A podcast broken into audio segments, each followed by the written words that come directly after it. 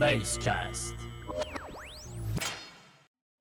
Merhaba Basegate serisi. Canım Film Defteri'nin ilk bölümüne hoş geldiniz. Bugün sizlerle beraber The Godfather serisi hakkında konuşacağız. Hepiniz hoş geldiniz.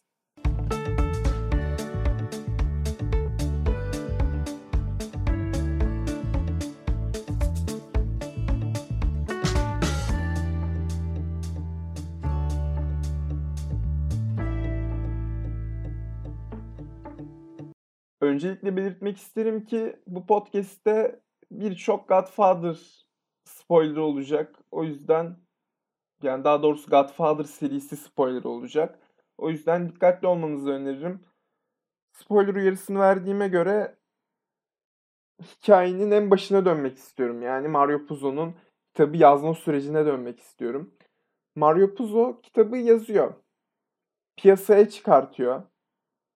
Kitap 60 hafta. Yani 3 aşağı 5 yukarı 60 hafta. 60 haftaya yakın. En çok satan kitap oluyor.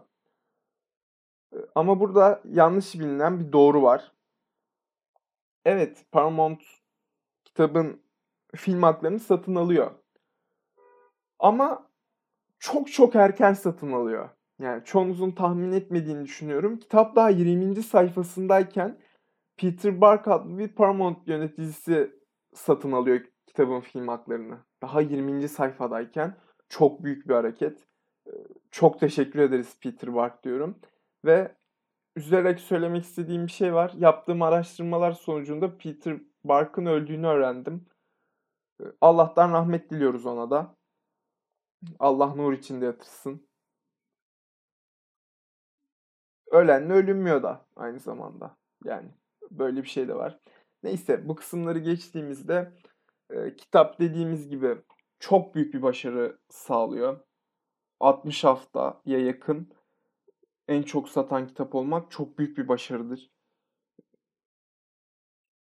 Evet, kitap çıktı. Mario Puzo zengin oldu. Ve Paramount yöneticileri de zengin olmak istiyorlar. Artık filmi çıkartmak istiyorlar ve yönetmenlerle görüşmeye başlıyorlar. Bu film için 12 tane yönetmenle görüşüyorlar. 12'si de bu filmi ucuz diyor bu hikayeye. Tabii biz bu 12 yönetmenin ismini vermeyeceğiz çünkü onları rencide etmek istemiyoruz. 13. yönetmen Francis Ford Coppola. Coppola da başlarda diyor ki ben kabul etmek istemiyorum bu hikaye ucuz diyor. O da e, bu tufana katılıyor. Sonra burada bilmeniz gereken bir şey olduğunu düşünüyorum. Francis Ford Coppola biliyorsunuz George Lucas, Steven Spielberg ve Scorsese, Martin Scorsese ile çok yakın arkadaşlar dördü. Hala öyleler. Geçmişte de öylelerdi. Yine bu filmin çekildiği zamanlarda da öyleler. Neyse. Ama Coppola onlardan bir tık daha önde. Nasıl bir tık daha önde? Bir yapım şirketi var Coppola'nın. Amerikan Zootropi diye. Ve Amerikan Zootropi ile bir film yapıyor Coppola. O filmde batıyor. Hiç izlenmiyor. Başarısız oluyor filmde. Neyse. O filmden dolayı da Paramount stüdyolarının yüklü miktarda borcu var Coppola'nın ve eş dost araya giriyor. Diyor ki Coppola bak borcun kapanır falan filan diyorlar ve Coppola en sonunda teklifi kabul ediyor ama o kadar sıkıntılı bir film yani yapım aşaması var ki bu filmde. Yani Coppola kaç kere kovulmanın işine geliyor. Marlon Brando kaç kere kovulmanın eşiğine geliyor. Al Pacino kovulmanın eşiğine geliyor. Bir sürü şey var. Gordon Willis kovulmanın eşiğine geliyor. Görüntü yönetmeni. Bir sürü hikaye var ilk filmin yapım aşamasında. Şöyle başlayalım. Oyuncu seçimlerinde Al Pacino biliyorsunuz. Şimdi bize her ne kadar Al Pacino wow, çok büyük oyuncu gibi gelse 72'de Al Pacino çok büyük bir oyuncu değildi. Yani küçük işler yapıyordu zaten. Al Pacino'nun çıkış filmi Baba serisidir. Yani ilk Baba filmidir. Hatta onun çıkışını da anlatmak için şöyle söyleyeyim. İlk filmde 20 bin dolar oynuyor. ikinci filmde 600 bin dolar oynuyor Al Pacino. Yani o aradaki fark, o aradaki uçurum Al Pacino'nun ne kadar ünlendiğini bize gösteriyor bence. Tabii Al Pacino ile başlayalım. Al Pacino'dan girdik madem Al Pacino ile devam edelim. Al Pacino ilk geldiğinde yöneticiler diyor ki yani Coppola sanki biraz kısa bu diyorlar. Yani kısa bir çocuk diyorlar bu. Ve çok istemiyorlar. Coppola bir şekilde kabul ettiriyor. Birkaç sahne çekiyorlar. Birkaç gün çekim yapılıyor. Ama artık yapımcılar cidden Al Pacino ile çalışmak istemiyorlar. Onu bırakıp başka bir oyuncuyla anlaşmak istiyorlar. Burada bana kalırsa çok iyi bir yönetmen özelliği var. Cappola'da çok iyi bir yönetmenlik öz- özelliği var. Al Pacino'yu yani bir şekilde tutuyor orada. Tabii en etkili olan şey şu. Al Pacino'nun bu filmin yapım aşamasında devam etmesinin en büyük sebeplerinden bir tanesi bilirsiniz. Çok önemli bir sahnesi vardır Michael Corleone'nin suikast sahnesi. Solazzo'yu ve komiser Mark'ı öldürür. Bu sahnede çok önemlidir. Yani Al Pacino'nun en önemli sahnesidir. Francis Ford Coppola burada bu sahneyi biraz daha önce çekmeye karar veriyor. Yani normalde normale göre biraz daha erken alıyor bu sahnenin çekimlerini. Bu sahnede Al Pacino da çok iyi oynar. Çok çok iyi bir oyunculuğu vardır. Yani çok iyi de bir ses kurgusu vardır. Ses kurgusuna da geleceğiz. O sahnenin çok iyi bir ses kurgusu vardır. Ona da geleceğiz. Al Pacino oradaki oyunculuğuyla yapımcıları da kazanıyor. Paramount yöneticilerini de kazanıyor. O yüzden onun içinde çok önemli bir dönüm noktası olduğunu düşünüyorum yani. O, o sahnenin belki de Al Pacino bu filmden kovulsaydı Al Pacino diye bir adamı şu an tanımıyorduk. O, olabilecek senaryolar bunlar. Neyse buradaki ses kurgusu, o sahnedeki ses kurgusu hakkında da konuşmak istiyorum. Böyle sahneyi izlerken fark etmişsinizdir işte Michael Corleone silahı almaya gittiğinde ta tuvalette arkadan arkadan çık çık çık çık çık çık çık diye bir tren sesi gelir. Allah Allah bu tren sesi nereden çıktı falan dersiniz ve artık masaya geri döndüğünde, masaya oturduğunda Solazzo'yu dinlemez. Yani Solazzo konuşur ama biz hiç onun sesini duyamayız artık. Sadece tren sesini duyuyoruzdur ve Al Pacino da zaten onu dinlemiyordur. Michael Corleone de zaten onu dinlemiyordur ve yere doğru bakıyordur. O tren sesi Michael Corleone'nin kalp atışlarını simgeliyormuş. Cidden öğrendiğimde çok şaşırdım ve e, çok büyük bir ses kurgusu. Yani cidden çok büyük bir ses kurgusu. Dünya tarihine geçmiş bir ses kurgusu. O yüzden yine ses ekibi de büyük bir tebliğ hak ediyor. Madem kurgu murgu işlerine falan girdik, biliyorsunuz filmin görüntü yönetmeni, benim de çok sevdiğim bir görüntü, görüntü yönetmenidir, Gordon Willis. Gordon Willis şöyle bir karar alıyor. Yukarıdan aydınlatma tekniği yani biraz daha karanlık bir film anlamına geliyor bu. Yine Paramount karşı çıkıyor çünkü bu filmi onlar açık hava sinemalarında da göstermek istiyorlar. Ama şöyle bir sorun var. Açık hava sinemalarında bir filmin gösterilmesi için parlak renklere sahip olması gerekiyor. Çünkü gece dışarıda ışık kırılmaları yaşanabilir ve o görüntü gözükmeyebilir yani ışık gözükmeyebilir. Bu da hiçbir yapımcının istemeyeceği bir şey. Yani özellikle açık hava sinemasında film gösteriyorsa. Bu yüzden diyorlar ki ışığı değiştirin. Daha güzel bir yerden aydınlatın. Ama hem Gordon Willis hem Coppola hem Marlon Brando çok karşı çıkıyorlar bu karara. Hem de Al Pacino da çok karşı çıkıyor yani. Ve bir şekilde kabul ettiriyorlar. Yani burada aslında yine iyi bir yönetmen özelliğine geliyoruz. Coppola yani istediği şey için savaşması çok önemli aslında. İyi bir yönetmen özelliği. Sadece bunu söyleyebilirim. Böyle bitireceğim bu konuyu. Çünkü üstüne diyebilecek bir şey yok. Yani iyi bir yönetmen özelliği. Sonuç olarak üstten aydınlatma tekniği kabul edilir ve yine sinemada devrim gibi bir şey olur bu da. Yani üstten aydınlatma. daha önce denenmiştir ama Baba filmiyle ünlü olur. Baba filmiyle altın çağını yaşar.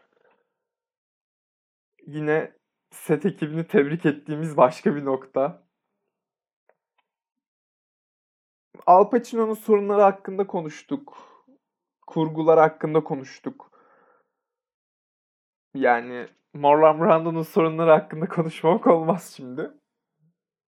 Ee, Marlon Brando zaten ikna aşaması bile çok zor. Çünkü şöyle Marlon Brando bu iş teklifini kabul etmiyor. Çünkü mafyanın gençler üzerinde etkileyici bir şey olmasını istemiyor. Yani bunu bu filmi izleyen gençlerin etkilenip mafyayım ben e, tavırlarını almasını istemiyor. Ve buna örnek olan bir insan olmak istemiyor. O yüzden kabul etmiyor uzun süre. Bir gün Coppola senaryoyu böyle vuruyor masaya. Karşısında da Marlon Brando oturuyor. Diyor ki bak oku ya oynarsan oynarsın ya da oynamazsın. Yani bu son teklifimiz diyor. Atıyor senaryoyu, okutuyor Marlon Brando'ya senaryoyu. Yani böyle olmamışsa bile 3 aşağı 5 yukarı böyle bir şey yaşanıyor. Emin olun.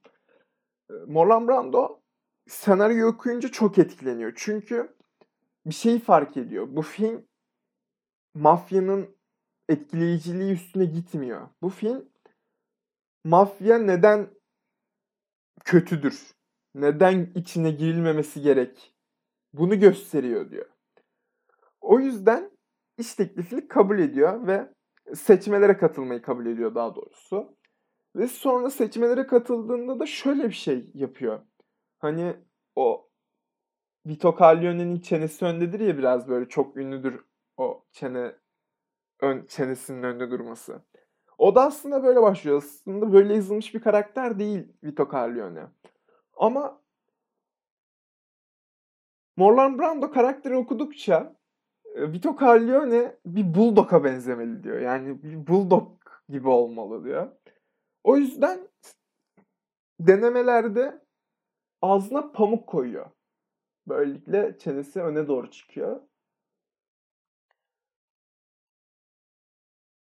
Çok beğeniliyor deneme çekimlerinde. Çok beğeniliyor ve Francis Ford Coppola kesinlikle böyle olmalı diyor. Bunun sonucunda da Marlon Brando dişçisinden ona özel bir ağızlık yaptırmasını istiyor. Bu ağızlık bildiğim kadarıyla ya New York'ta ya da Los Angeles'ta yani Hollywood'da bir müzede, film müzesinde sergileniyor. Tam emin değilim. Ya New York ya Los Angeles. Affedersiniz emin olmadığım için. Ama öyle bir şey yani. Neyse bu konuyu geçelim. Evet filmde benim çok ilginç bulduğum bir hikaye var. Biliyorsunuz çok meşhur bir sahne vardır. Film yapımcısı Jack Wolf'un yatağından e, atının kafası çıkar. Yani Vito Corleone ona reddedemeyeceği bir teklif yapmıştır. O ana kadar hep maket at kafaları kullanılmış o sahnede. Yani hiç gerçek at kafası kullanılmamış. Ama sahnenin çekileceği gün Coppola gerçek bir at kafası istemiş. Ve bunu da John Marley yani Jack Wolf'u oynayan oyuncu John Marley söylememiş. Ve John Marley de cidden sahne çekildiğinde çok korkmuş gerçek bir at kafası gördüğünde ve cidden bağırmış. Yani o hatırlarsanız o sahneyi orada çok bağırır yani çok uzun süreli bağırır. E, orada cidden korktu ve bilmediği için e, çok bağırıyor. Tabii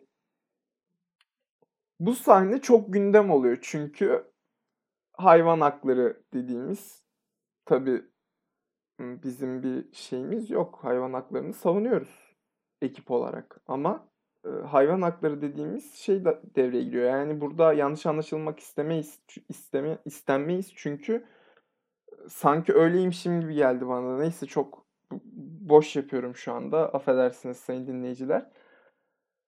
Neyse. E, tabii ki o dönemde hayvanseverler çok e, kırgın oluyorlar Capola'ya karşı. Capola da şöyle bir açıklamada bulunuyor.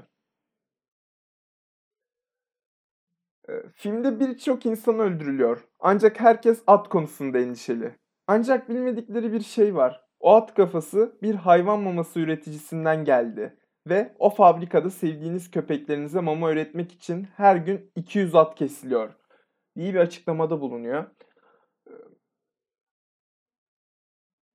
Cidden trajikomik bir hikaye. Ee, çok sevdiğim bir hikaye. Tabii hayvan haklarına savunuyoruz ve hayvanlara karşı zulmü de kınıyoruz. Hayvanlara zulmetmeyin. Neyse kamu spotunda geçtiğimize göre Capola'nın yaşadığı sıkıntılara gelelim biraz da. Coppola zaten biraz asi genç gibi bu filmin yapım aşamasında. Hiçbir şekilde yapımcıları takmıyor. Ve yapımcılar da Coppola'yı takmıyor aslında. Yani Coppola her istediğini zorla yaptırıyor yapımcılara. Çünkü yani endüstri dediğimiz bir şey var. Mesela nasıl açıklayabiliriz bunu en kısa yöntemden? İşte dediğimiz gibi az önce söyledik, bu hikayeyi anlattık. Açık hava sinemalarında filmi yayınlatmak istediği için Paramount filmin daha parlak renklerle çekilmesini, daha açık tonlarda çekilmesini istiyor. Mesela yani endüstri dediğimiz bir şey var ve e, şirketin de bir endüstrisi var. Yani şirketin de kendine göre belirlediği bir felsefesi var. Bunun sonucunda da endüstri ortaya çıkıyor. E, ve bu endüstriyi yıkmaya çalışıyor Coppola. Yani şirketin felsefesini biraz indirmeye çalışıyor. Bu yüzden hep sorun yaşıyor şirket yöneticileriyle, yapımcılarla. Tabii birçok sorun yaşıyor dediğimiz gibi. Yapımcılar öncelikle Coppola'nın bu filmi hem vaktinde yetiştiremeyeceğini hem de e, daha büyük yani düşünülenden daha büyük bir miktar çekeceğini düşünüyorlar. Yani çünkü zaten Coppola dış mekan çekimlerine çok önem veriyor bu filmde. Çünkü o zamana kadar filmler hep stüdyoda çekiliyor. Genelde stüdyoda çekilen filmler ya New York'ta ya da Hollywood'daki stüdyolarda çekilen filmler oluyor genelde. Ama Coppola'nın e, filminde yani Baba filminde ilk film hakkında konuşuyoruz. O yüzden serisi demiyorum.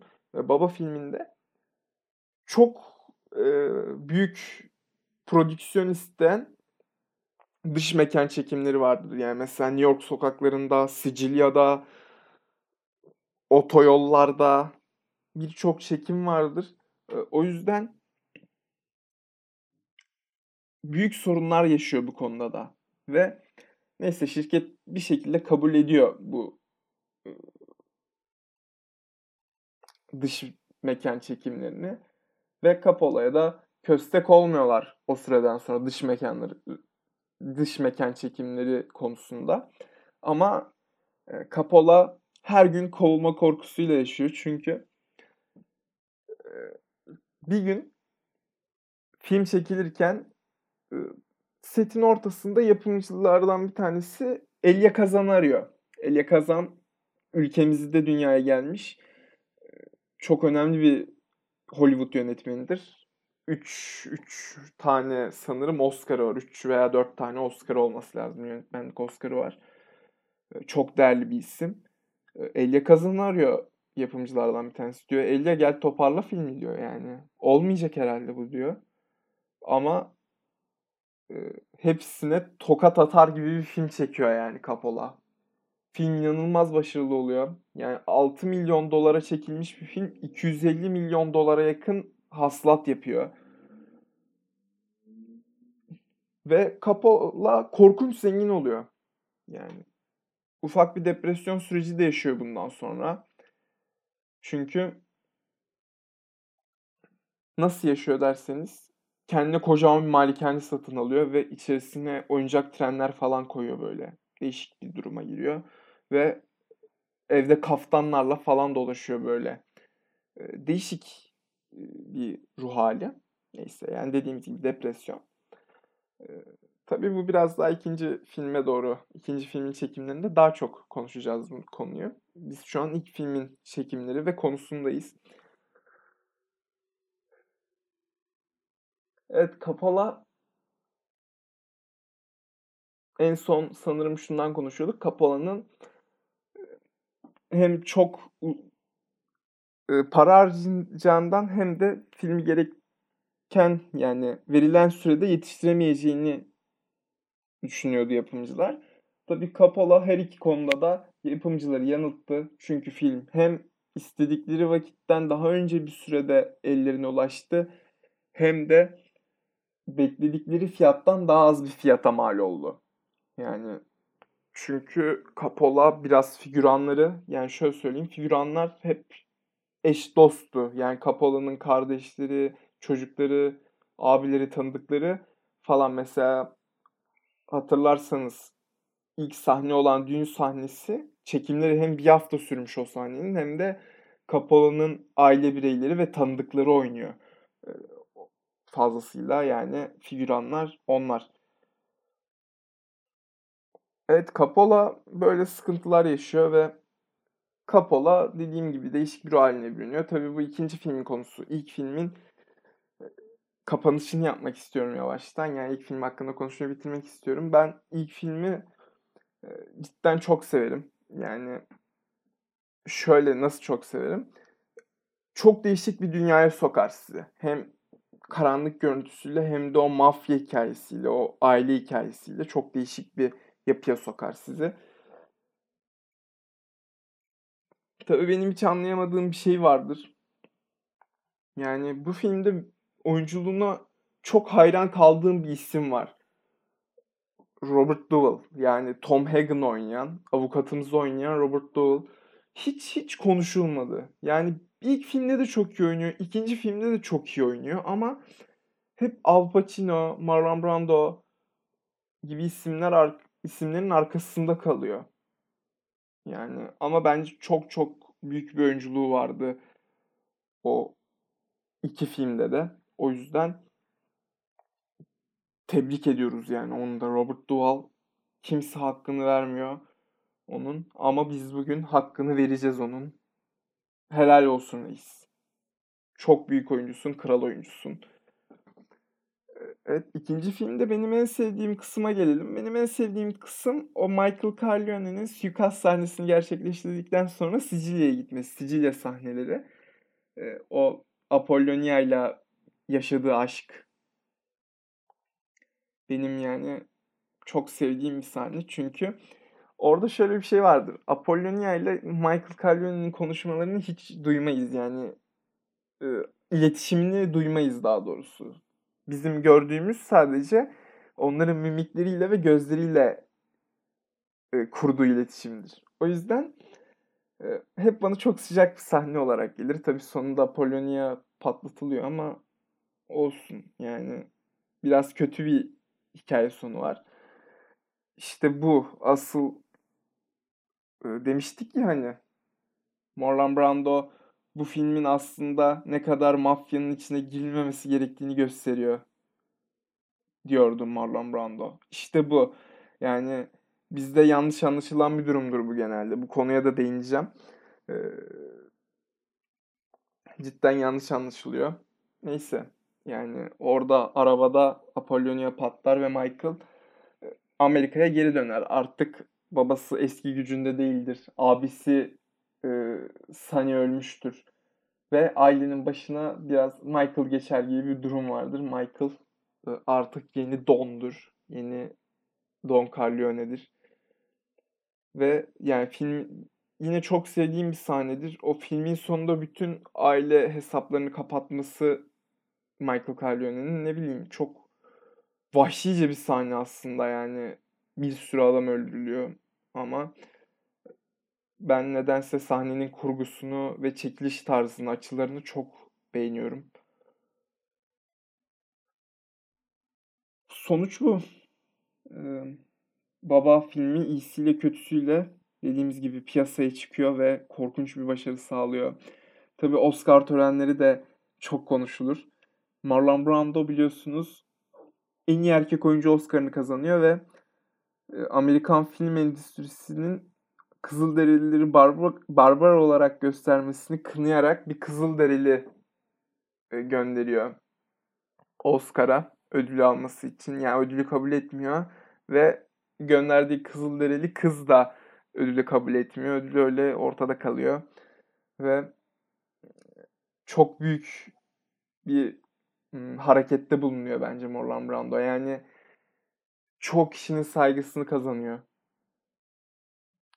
Orada düzene karşı durarak ve cidden büyük bir harekette bulunuyor. Marlon Brando. Tek diyebileceğim bu. Çok iyi de bir oyuncudur zaten. Rolü oynadığında düşünün 47 yaşındaydı ve o kadar yaşlı gözükmesi yani çok iyi bir makyaj vardı aynı zamanda filmde. Yani Marlon Brando çok iyi yaşlandırılmıştı. Neyse sonuç olarak e, böyle bir durum var. Tabii Al Pacino da yardımcı erkek oyuncu Oscar'ına aday oluyor. E, ama Al Pacino bir konuda kırgın Oscar'a, Oscar eğitine kuruluna. Çünkü kendisi Marlon Brando'dan daha uzun süre gözüküyor filmde. Ama kendisi yardımcı oyuncu Oscar'ına aday olurken Marlon Brando en iyi erkek oyuncu Oscar'ına aday oluyor. Yani ne kadar doğru ne kadar yanlış bilmiyorum ama Al Pacino'nun Oscar heyetine kırgın olduğu söylenir bu konuda. Dediğim gibi ne kadar doğru ne kadar yanlış bilmiyorum. Vedalar zordur derler ama ne yazık ki veda vakti. Sevgili sinema severler, sevgili dostlarım. Bir sonraki podcast'ime kadar yaşamayı unutmayın ve kendinize dikkat edin. Şimdilik hoşçakalın demek istiyorum. Görüşmek üzere. Basecast.